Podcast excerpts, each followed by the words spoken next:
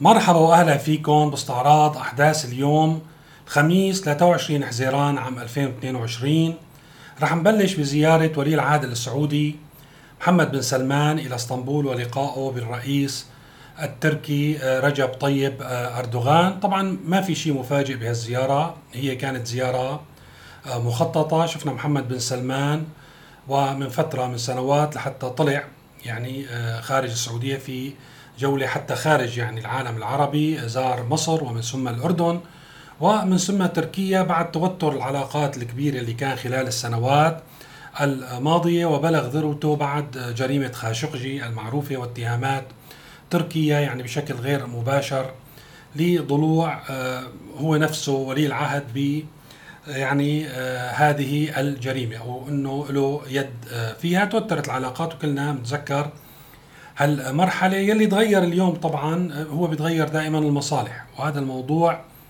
دائما بالنسبة لنا هو عبارة عن درس بأنه السياسة هي مصلحة. وطبعا في دول الأنظمة بتشتغل لمصلحتها الخاصة ودول الديمقراطية بتشتغل لمصالح شعبها. ولكن في النهاية مصلحة ما في شيء بالسياسة اسمه مبدأ. المبدأ الوحيد يعني المبادئ هي الشعارات أو الكلمات الفضفاضة يلي بتحمل أكثر من معنى.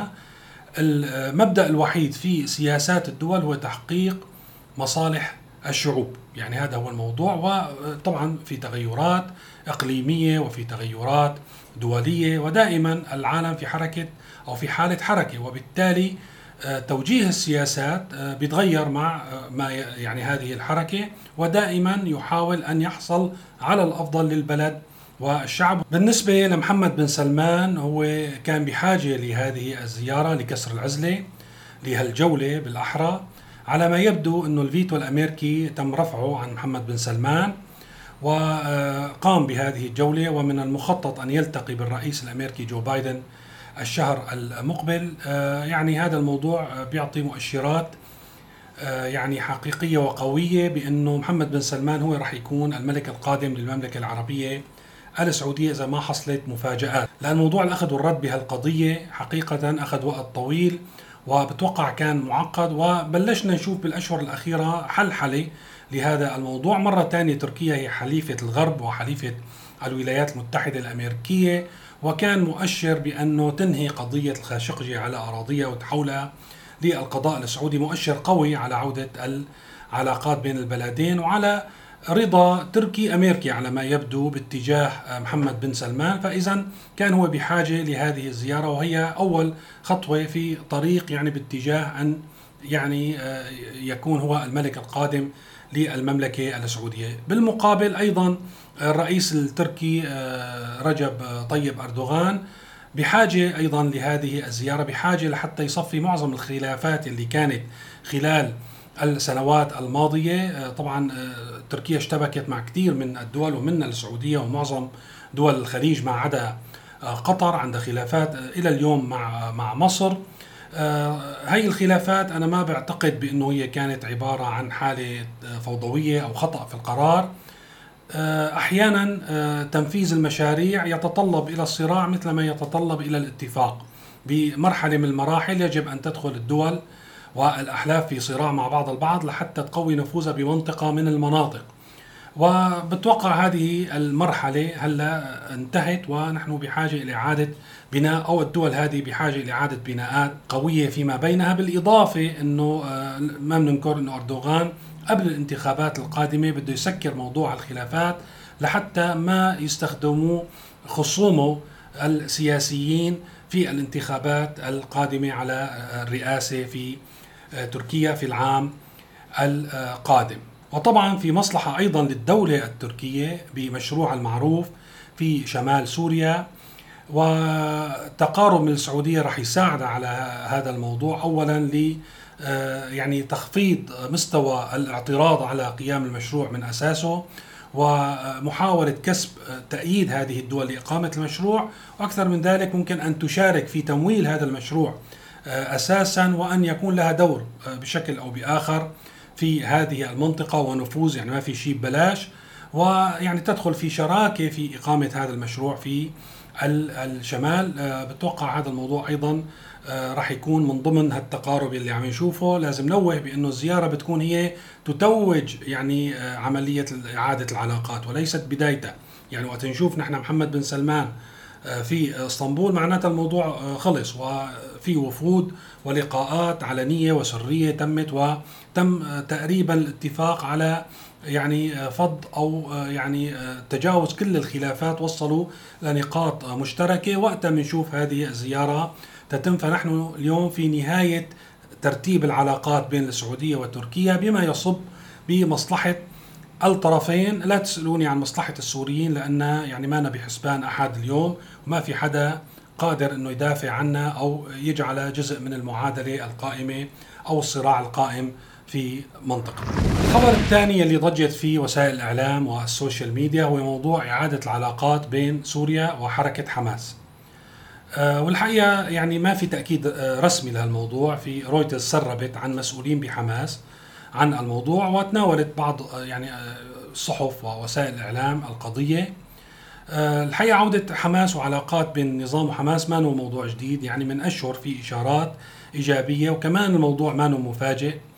بنرجع بنقول إنه هو ما تأكد رسميا ولكن آه، يعني كان متوقع إنه تعيد حماس آه، علاقاتها خاصة بعد ما آه، يعني تغيرت القيادات فيها ووصول إسماعيل هنية إلى رئاسة المكتب السياسي في الحركة. عموما عموما يعني هذا الموضوع مرة ثانية له عدة أوجه. أول شيء فينا نقول بالنسبة للنظام السوري إذا أنت ما حسنت يعني تكسب أعداء في صراعك يلي ناصبوك العداء وأنت بحاجة ماسة لحتى ترجع تصلح العلاقات معهم كان في المحيط العربي أو في يعني العلاقات الدولية. ترجع للأصدقاء القدماء أحسن ما تضل لحالك. وبالتالي أي علاقة ضمن هذا المفهوم آه، تصبح مرغوبة ولا بل هي حاجة أساسية للنظام السوري. الموضوع الآخر بأنه الحقيقة اليوم الوضع اختلف جدا قبل آه، عن ما هو قبل 2011 وحتى فينا نقول عن ما قبل ال 2000 يعني بعهد حافظ الأسد آه، مرة ثانية أنا أنظر لكل المرحلة بعد الألفين هي عملية بدء انهيار الدولة السورية دولة الأسد يعني أو مرحلة الأسد في عمر الدولة السورية اليوم الوضع مختلف. عملية إعادة العلاقات بين النظام السوري وحماس وتحصيل حاصل. في الماضي فينا نشبه العلاقة بين النظام السوري وحماس بأنه هو شراكة في الإدارة. وطبعا صاحب الأسهم الأكبر كان النظام. وإيران كان لها دور الممول غير المدير يعني هي تمول العملية. وطبعا الممول دائما بيكون يعني له له خاطر وقادر يوجه الأمور باتجاه مصالحه بشكل أو بآخر ولكن لم يكن هو المدير وصاحب القرار الأساسي في هذه الشراكة، اليوم هذا الموضوع تغير تماما وأصبحت إيران هي الشريك الممول والمدير والنظام السوري يعني لا يملك ابدا أي أوراق لكي يكون له أي رأي أو أي دور في إدارة هذه الشراكة إن صح التعبير. فبالتالي آه، آه، نحن بنعرف إنه حركة حماس قريبة من إيران وقربها من إيران هو له الحقيقة عوامل تاريخية له علاقة بعلاقة الإخوان المسلمين بإيران وهذا الموضوع ممكن نحكي فيه وهذه العلاقة يعني بحسب ما قريت بالصحف وب يعني كثير من المصادر هي علاقة قديمة ومتجذرة مانا جديدة. ففينا نقول بهذا الصدد الحقيقة وهذا مثال يعني جيد نحكي فيه بأنه سوريا بالعشرين سنة الماضية تحولت من لاعب أساسي في المنطقة إلى ساحة وملعب للآخرين. وهذا الموضوع لا بيقدم ولا بيأخر. هو الموضوع عبارة عن ترتيب إيران لعلاقاتها ولم يعد هذا من خيارات لا النظام السوري الحقيقة ولا السوريين. ونهاية يعني الأمور هي خيارات السياسة هي خيارات. مثل ما شايفين النظام السوري يلي آخذ السوريين وسوريا رهينه يعني نحن مع الأسف رايحين بجريرة هذه القرارات. خياراته أنا بعت يعني باعتقادي وباعتقاد كثير من السوريين هي خيارات خاطئة. هو يصطف مع الجانب المنبوذ والفاشل والخاسر يعني إلى حد اليوم إن كان إيران وإن كان إن كان روسيا. لازم أيضا نكون تعلمنا من الدرس إنه نحن لازم ننظر للنتائج مثل ما النظام السوري آخذ الشعب السوري رهينة. أيضا بعتقد إنه حركات ما تعرف تحت حركات اسم المقاومة القيادات. هي أيضا أخذت هذه الشعوب آه، يعني كان الشعب الفلسطيني أو اللبناني أيضا رهينة وتوجههم بحسب يعني مصالح لا تخدم أو توجههم بما لا يخدم مصالحهم. والدليل مرة ثانية بعد 40 50 سنة نحن ما فينا نقول شو الدليل. نحن بنطلع على النتائج ما بعرف ليش. هل يعني هالمعطى أو هالمقياس مرفوض من كثير حتى من جمهور يعني ما يعرف باسم جمهور المقاومة بتيجي بتقول له شو حققنا نحن خلال هال 50 سنة من خلال هذه الحركات؟ يعني بيقول لك والله آه، كانت يعني لو لو ما كانت هالحركات ما بنعرف شو كانت إسرائيل عملت بهذه الدول. شو بدها تعمل أكثر من شيء يلي اليوم معمول فينا؟ يعني اليوم نحن إذا بدنا نسلم سوريا لشيطان رجيم ونقول له دمر فيها قد ما حسنت ما راح يعني يتسبب بدمار مثل الدمار يلي نحن متعرضين له اليوم. وطبعا هذا ينسحب على لبنان وبرأيي ينسحب على على فلسطين. الموضوع يعني صار يعني لازم يكون درس واضح قدامنا إنه نحن نزرع قيادات ونعمل حركات لكي تثبط وتضبط أداء الجماهير وأداء الشعوب اللي هي أساسا صاحبة الحق. في هذه المنطقة. ما بتوقع الموضوع يخرج عن هذا الإطار. لذلك آه، نحن عم نقول إنه الخيارات آه، خاطئة اللي عم تتخذها الأنظمة. مو لأنه نحن مو مع المقاومة، نحن لأن شفنا هذه الحركات فارغة. هي حركات صوتية. وحقيقة إذا بدنا ننظر يعني استراتيجيا إلى دورها كان دورها هدام وساعد على تقوية العدو وإضعاف ما يعني يفترض أن نكون نحن الطرف الآخر أصحاب الحق في هذه الأرض. لذلك بنرجع على موضوع العودة فالعودة بالنسبة لنا كسوريين تحصيل حاصل بالنسبة للنظام السوري تحصيل حاصل هو موضوع لترتيب الأوراق آه، يعني بحسب المصالح الإيرانية الإسرائيلية آه، برأيي وذهاب في ذات الاتجاه نحو الهاوية من خلال خيارات متتابعة تبدأ من روسيا وتنتهي بحماس. وبمناسبة الحديث عن آه، روسيا فالحصار عليها عم يزداد سياسيا واقتصاديا ودبلوماسيا وعم تتحول لدولة منبوذة ويعني دولة في موقع العداء لكثير من دول العالم الفاعلة ويعني لها وزن الحقيقة. شفنا إنه كيف امبارح حكينا مرينا مرور الكرام عن إنه في حصار أيضا بري على تصدير يعني البضائع الروسية.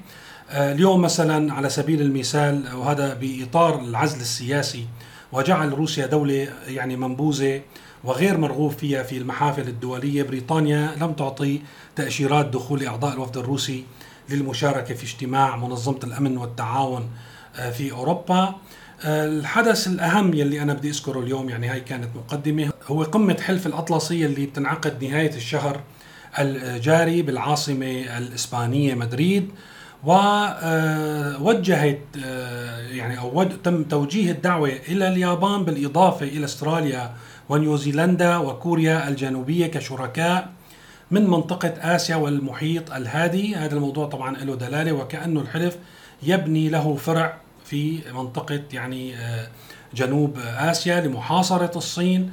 وهذا الموضوع أيضا له دلالات. محاصرة الصين بهذه الطريقة وانضمام اليابان يلي كانت عادة ما بتتخذ يعني آه، مواقف واضحة وحادة تجاه الصين وروسيا لأن في مصالح آه، مشتركة وفي ملفات متشابكة لسه ومصالح يعني موجودة بين البلدين ونزاعات لسه ما انحلت. ولكن بنشوف إنه إذا شاركت اليابان ولليوم بيقولوا إنه رئيس وزراء اليابان راح يشارك راح يكون هذا الموضوع تغير يعني كبير في قواعد اللعبة. ومرة ثانية الغزو الروسي لأوكرانيا ساعد على تقوية حلف الناتو وتوسعه أيضا إلى مناطق ما كان يخطر ببالنا إنه راح يوصل إلى يوم من الأيام. هذا كل شيء بالنسبة لليوم، شكرا لمتابعتكم وإلى اللقاء.